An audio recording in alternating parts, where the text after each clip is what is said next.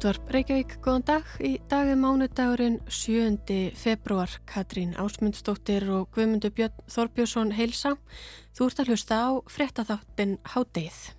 Meirinn helmingur stúlkna á aldrinum 13 til 18 ára hefur fengið sendar nektarmyndir í gegnum netið.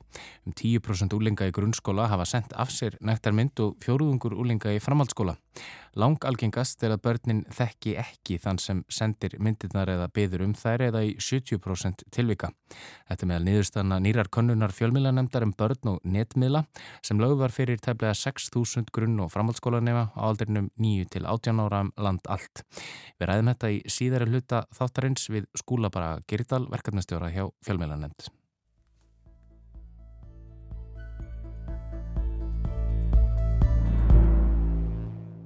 En við byrjum í Breitlandi. Elisabeth Englands drottning held í gær upp á sjö áratuga starfsamæli en í gær voru 70 ár frá því að fadirennar Georg V fjall frá og Elisabeth varðað þjóðhöfðingja Breitlands og breska heimsveldisins. Drottningin fekk sér köku í tilefni dagsins og sendi breskum almenningi vinsamlega áminningu um hvernig þau eigi að haga sér eftir að hún fellur frá.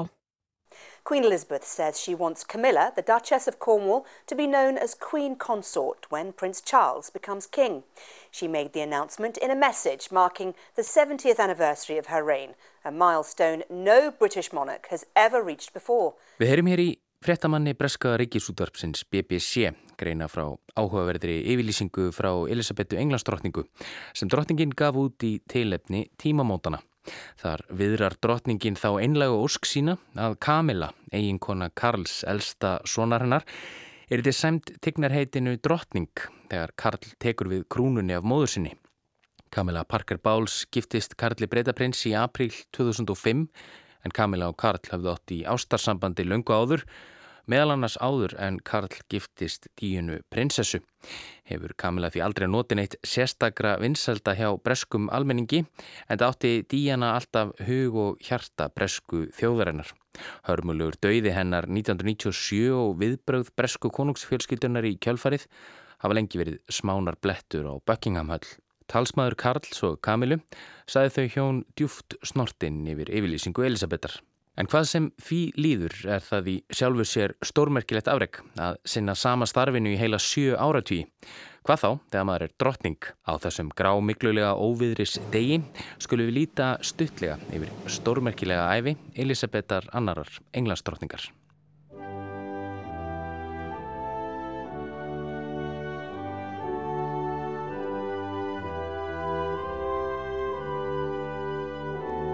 Elisabeth Alexandra Mary fættist hann 27. apríl árið 1926 í Mayfair í Lundunum þegar afi hennar, Georg V, var enn konungur.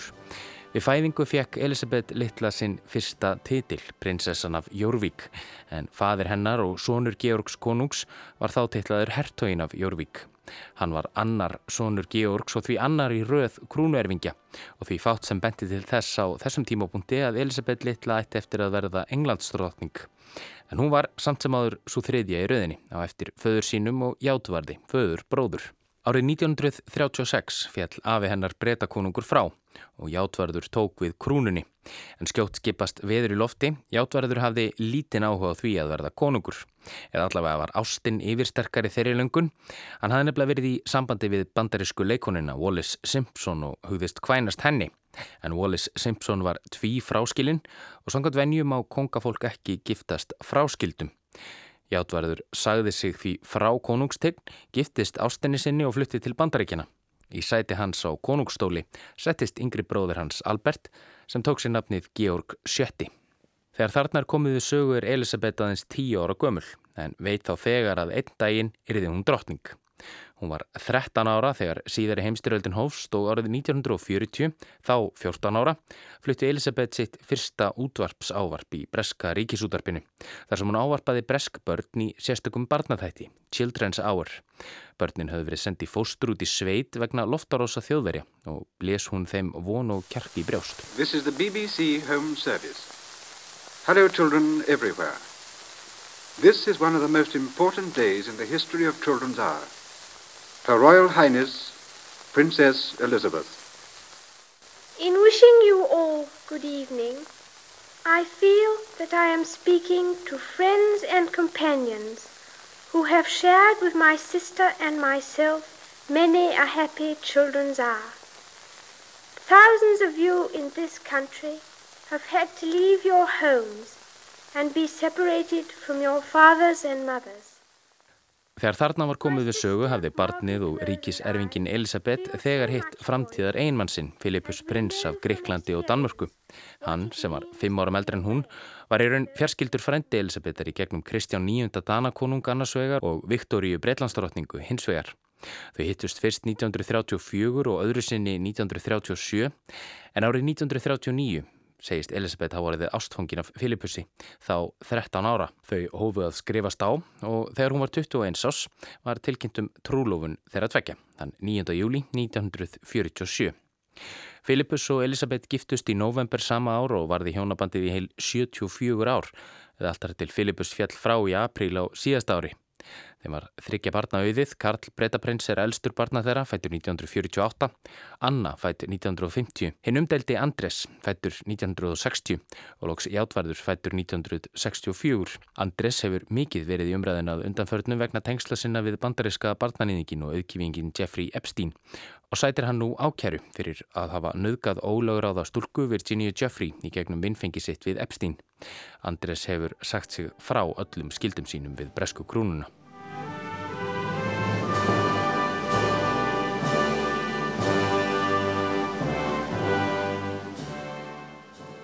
En kaplaskil urðu í lífi Elisabethar þann 7. februar 1952 fyrir nákvæmlega 70 árum þegar fadir hennar fjall frá aðeins 57 ára gamall. Það gerði það verkum að Elisabeth varð þjóðhöfningi breska samveldisins og tók sér nafnið Elisabeth Önnur. Hún var svo grínd drottning í oktober næsta ár. Síðustu 70 ár hefur Elisabeth verið drottning Bretlands og breska samveldisins. Og að því tilefni fekk drottningin sér köku í gær do a little bit. I think I might just put a knife in I it. I think that's a really good idea. See if it works. Oh yes, it oh, goes in beautifully. beautifully. Somebody else can finish it off. Do the rest of it. Well done. Það er óhætt að segja að eitt og annað hafi gengið á á valdatíð Elisabethar, Elimálsins samkvæmt. Hún varði jú drottning sama ár og Ásker Áskersson tók við ennbætti fórseta Íslands og 14 hafa gengt ennbætti fórsetisar á þeirra í valdatíð hennar. 14, já hefst nú lesturinn.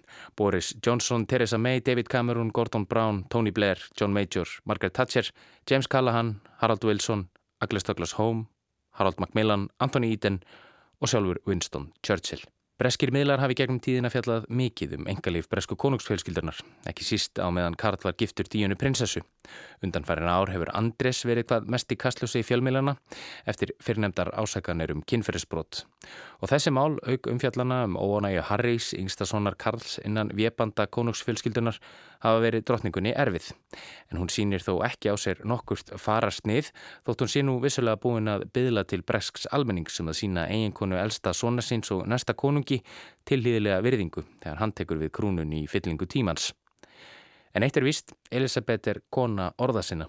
Á 21. ás amalistæðin sinn árið 1947 skömmu eftir lok síðar í heimstriðaldar og fimm árum áður en hún varð drottning flutti hún ávarp til bresku þjóðarinnar. Þar lofaði hún að standa vaktina fyrir þjóð sína og krúnu æfina á enda, hvort sem hún erði stutt eða löng. I declare before you all that my whole life, whether it be long or short, shall be devoted to your service and to the service of our great imperial family to which we all belong. But I shall not have strength to carry out this resolution alone unless you join in it with me, as I now invite you to do. I know that your support will be unfailingly given. God help me to make good my vow, and God bless all of you who are willing to share in it. Tæplega 20% nefnda á úlingast í grunnskóla og rétt tæplega 30% framhaldsskólanema hafa fengið kynferðisleg komment eða aðtúasemdir á netinu síðastliðið ár.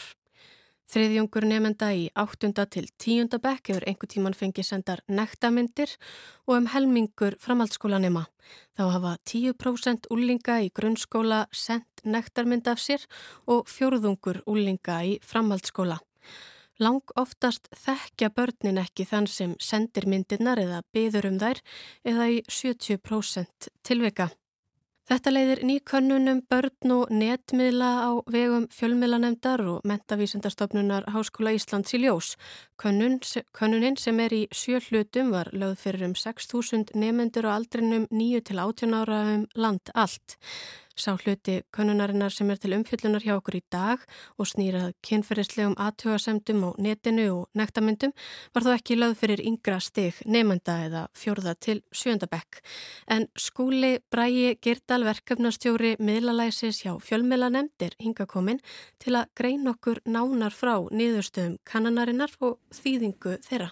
Velkomin skúli. Já, takk fyrir það. Ef við byrjum bara Já, á byrjunni, hvað segja niðurstöðnar okkur um veruleika barna og ungmenna á netinu? Þetta er náttúrulega í heldina mjög sláandi niðurstöður og e, þær dragu upp þá mynd sem að e, ungmenni, og ungmenni búa við í dag á netinu. E, þetta er þeirra raumurleiki, þetta er þeirra samskiptaform e, og það sem við erum að sjá í þessum niðurstöðum er að hvað kynjavingilin gemur stert fram. Uh, hvaða áhrif þetta hefur þessi kynferðslegu komment og nektarmyndir hafa miklu meiri áhrif á stelpur heldur en stráka. Uh, þetta eru niðurstöður sem er mjög verðt að, að breyðast við og, og þarna eru við líka að tala um ofbeldi, reynlega kynferðslega ofbeldi þannig að með því að breyðast ekki við eru við að leifa því að viðgangast, þannig að við, við þurfum að breyðast við.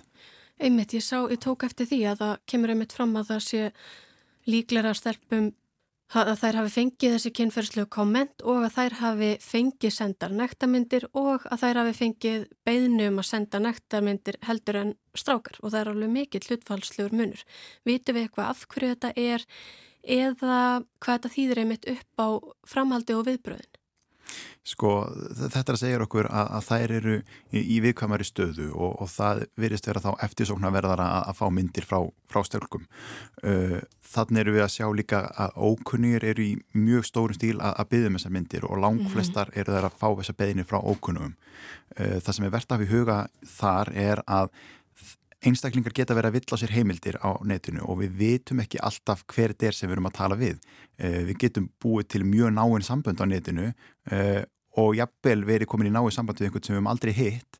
Þannig að áðurum fyrir að senda ákveðin skilabóð og deila ákveðnum upplýsingum með ókunnum þurfum við átt okkur á, á því hver er þetta sem er hérna bakið.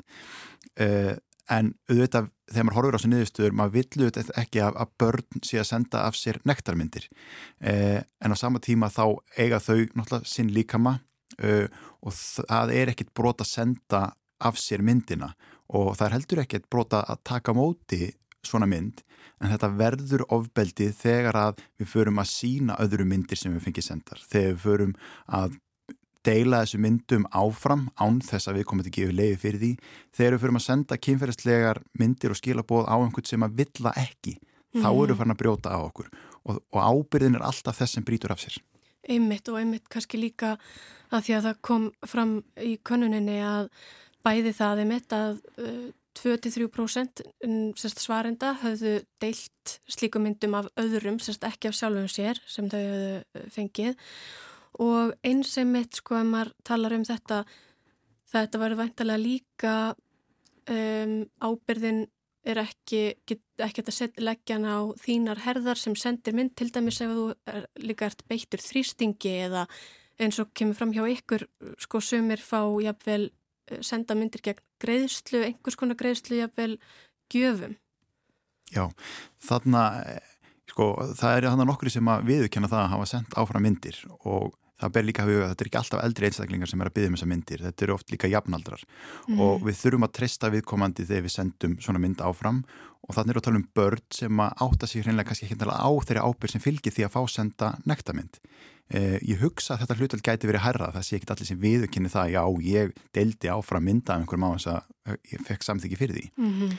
eh, í annar rannsón sem við gerðum þá sáum við að um 15 stúrkna 15-17 ára hafði lendið í að myndum hafi verið deilt aðeins sem þeir gáði ekki leiði fyrir. Þannig að það er tölvöld algengt vandamál. Eh, þannig að þetta er samtal sem þarf að hafa eiga og ég hugsa að við sem foreldrar erum kannski ekki að gera okkur grein fyrir því hvað börnun okkar er að gera í símunum á netinu. Algengi segjur okkur að þetta sé mjög algengt að þau sé að senda nektarmyndir þannig að það er mjög brínt að við tökum þetta samtal við þau uh, og tölum um þetta bara hver er ábyrðin, hver ber ábyrðina mm -hmm. og eins líka uh, þegar að þau eru að stelast til þess að gera eitthvað. Þau eru kannski að skrá sig uh, á, á tindir eða stefnum út á forrið uh, og eru að þykjast vera eldri en þau eru og þá eru þau farin að brjóta sér eða þeim líður þannig, mm -hmm. þá finnst þeim ábyrðin vera þerra ég sendi þarna mynda mér á einhvern þannig ég ég gerði einhver mistök, þannig ég ber ábyrð á uh, því hvað gerir svo í kjölfarið. Það er ekki svo leiðis. Ábyrðin er alltaf þess sem brítur af sér, þú mátt senda þessa mynd en það má ekki brjóta svo það tröst sem fylgir því að senda svona mynd. Mm -hmm. Já, maður getur ímynda sér það einmitt sko þegar þú ert þegar er kannski erfiðar einmitt að tala við fólkdra sína ef að þú gerir eitthvað þannig séð í leifisleysi eins og að stopna aðgang á tindir þegar maður hefur ekki aldur til og þess áttar og það líka virtist koma í ljós að einhverju leiti í könnunni að því að um, það var sérst þrátt fyrir jafnvel að margar stúlkur sko upplifi viðbjóð af því að fá til dæmis bara uh, svona kynferðislega komment og þess aftar að þá er, eru mjög fáir sem að sko segja fóröldunum sínum frá því eða um 2-4% mm -hmm. um, mar, já, maður hugsa þetta sko, þetta er líka kannski þannig þannig efni sem að svona krökkum á táningsaldri langar ekkit endilega alltaf að tala um við fóröldra sína, kannski svolítið viðkvæmt eða uh, óþægilegt og þess aftar og svo eins og segir getur kannski fyllt einhvers konar skömmið ábyrgatilfinning ef, ef eitthvað hefur svona komið á undan eins og segir eins og skrá sig í leifisleysi á einhver upp eða þetta óskir fóldrana og þess aftar. Þetta er rosalega svona margrætt og svolítið flókið. Þetta er mjög margrætt og það getur líka verið ég sendi fyrst eina mynd og svo var hún nótuð til þess að kú út fleiri myndir og allt inn í komin í mikinn vítaring með það sem ég er að senda frá mér. Þegar það fer að bjóða okkur greiðslur og gjafir fyrir það að senda áfram myndir mm -hmm. þá verður við að láta vita þá er verið vísindandi að reyna að brjóta okkur uh, það, auðvitað er það ekki nýtt að við sem ekki að ræða allar hluti við fóröldra okkar og, og hérna en þegar við erum komið með svona samskipti sem er á netinu aðgengið að öðrum eistaklingum uh, samskipti við ókunnuga mm -hmm. verða allt öðru vísi það verða miklu meiri hættur til staðar og, og þess vegna er mjög mikilvægt að, að við séum að taka samtili og séum að fræða börnin okkar. Mm. Það er mjög auðvelt að komast í samtal við einhvern ókunnugan eh, sem er eins og ég segi jafnvel eldri eða er þarna í annarlegum tilgangi er að þykjast að vera annar en að ner og, og það getur mjög fljótt verið snjóbolti sem er farin að, að rúla mjög rætt á undan okkur. Einmitt, þannig að leita kannski til svona fóreldra eða einhverja fullorðina í kringum mann sem maður kannski treystir eða líður vel með að opna sig með svona hluti. Já, algjörlega og líka bara foreldrana að taka þetta samtala að, mm -hmm. að kom, byrja ekki á samtalenu heyrði, það, þetta er bara alveg bannað, við sendum ekki svona við gerum ekki svona og það má ekki og, og bóð og bönn, heldur nálgast þetta meira með því eh, hvað má og, og það er ákveðið tröst, þú veist eh, er, þú sendir ekki svona nefn að þú tristir einhverjum en þú mátt Já. gera það um leiðu fyrir að banna allt og maður veit það bara sjálfur þegar maður er úlingur eða eitthvað var banna þá var það meira hillandi að framkvæma það Já. þannig að nálgun samtalið á, á þennan hátt með, með ákveðna fræðslu, með ákveði tröst uh, að þau geti sagt frá þessu, því við viljum að þau segja frá þessu þetta algengir að segja okkur það að það eru allt og allt og margi sem eru ekki að segja okkur frá vandanum. Einmitt og þá kannski einmitt er, er fólk ekki að gera sér, eða þessi ungmenn að gera sér grein fyrir að það eru örgulega hafsjóra fólki í svipum spórum og þau jafnvel meðal fullorðina því að netið og þessir samfélagsmiðlar og allt þetta þróast svo hrætt við erum öll einhvern veginn líka svolítið ný og læra inn á þetta og hverjum er þetta treysta og emitt þegar fólk er hvort, sérst, hvort fólk séð sá sem það segir að það sé eða ekki. Mm. ég held að við getum öll lend í svona mikið af þessum svona uh, vandamálum sem er að koma upp og við erum að reyna að læra að vinna með Já, að sjálfsögðu, við getum öll lendi í þessu og við hefum séð það á umræðin í samfélaginu og það eru einstaklingar á öllum aldri sem er að lendi í þessu að það sé verið að brjóta þetta tröst og deila áfram skilabóðum og nektarmyndum og, og því sem að, að þú hefði sendt áður en þessi hópur hérna er svo viðkvæmur sérstaklega Já. þetta eru börn og ungmenni og jafnvel eldri einstaklingar sem eru þá komnir í valda ójabægi beita því að þeir eru þroskaðir og vita meira mm -hmm. á þennan hóp og þess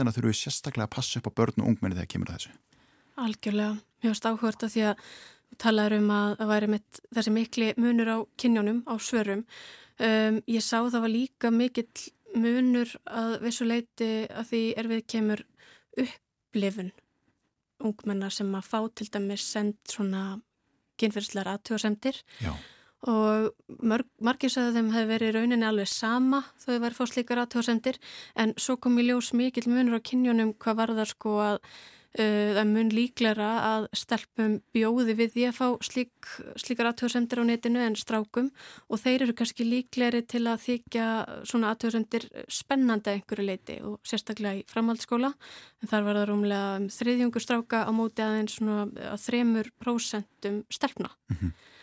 Þetta er greiðilega mikill munur og þannig sjáum við líka hvernig kynin horfa öðruvísi á þenn, þetta vandamál. Strákunum finnst þetta minna mál. Mm -hmm. þeim finnst þetta meira spennandi og meira stelpunum finnst þetta meira viðbjóslegt eh, og við sjáum það í raun, það rýmar þá ákveði við þær niðurstöður þegar það eru oftar strákar sem byggja stelpuru um myndir. Þeim finnst þetta spennandi og þeim finnst þetta ekki spennandi. Mm -hmm. þannig að þarna er ákveðin árakstur millir kynjana og, og mismunandi upplöfun af þessu aðtæfi eh, þannig að það er líka ákveði samtal sem við þurfum að, þurfum að eiga að upplöfun okkar er, er mismunandi eh, en það er verða miklu meira fyrir barðina á þessu líka Þannig að ég, það er mjög mikilvægt að við, við horfum á þetta þegar við erum að tólka þessa neðustöður. Mm. Hvernig eru kynin að, upplifa þetta?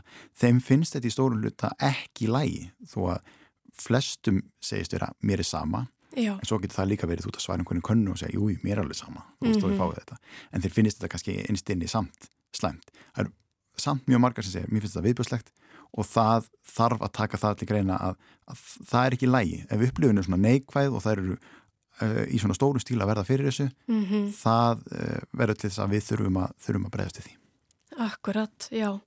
Og um, maður sá líka það að sko uh, já þannig að maður hugsa að það þarf þá kannski að taka samtalið við bæðikinin þó að maður svona sér að hættan er kannski aðeins meiri hjá stelpum að fá svona myndsendingar, fá svona beðnir að það er kannski alls ekki síður mikilvægt að tala við öllkinn um þessi málumni. Akkurat, akkurat. Vi, við spurðum úti líka við strákastelpur og svo annað en það var bara það lítið hluti þannig að það er ekki alveg margt að tala um þann hóp Já. þannig við vorum ekki bara að spurði strákur og stelpur mm -hmm. en það er alveg hárétt að við verðum líka að horfa á strákamegin. Þeir eru líka beðnir um nektarmyndir, það er líka verið að brjóta trösti þeirra megin, eldri einstaklingar eru líka sæki myndir að strákum þannig að við meðum ekki bara að horfa stelpunar,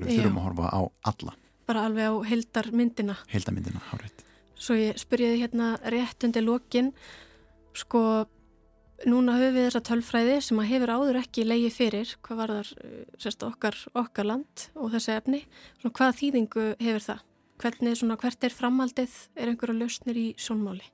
Við notum þetta inn í okkar tengslaneti til þess að efla miðlæsi og búið til fræðsluefni og ég vona allir þeir sem standi baróttunni gegn ofbeldi og kynfyrirsofbeldi geti nýttir þessar niðurstöður. Það eru áþreifanlega niðurstöður sem segja okkur hvernig vandin er og ég vona þetta hjálpi þeim í baróttunni.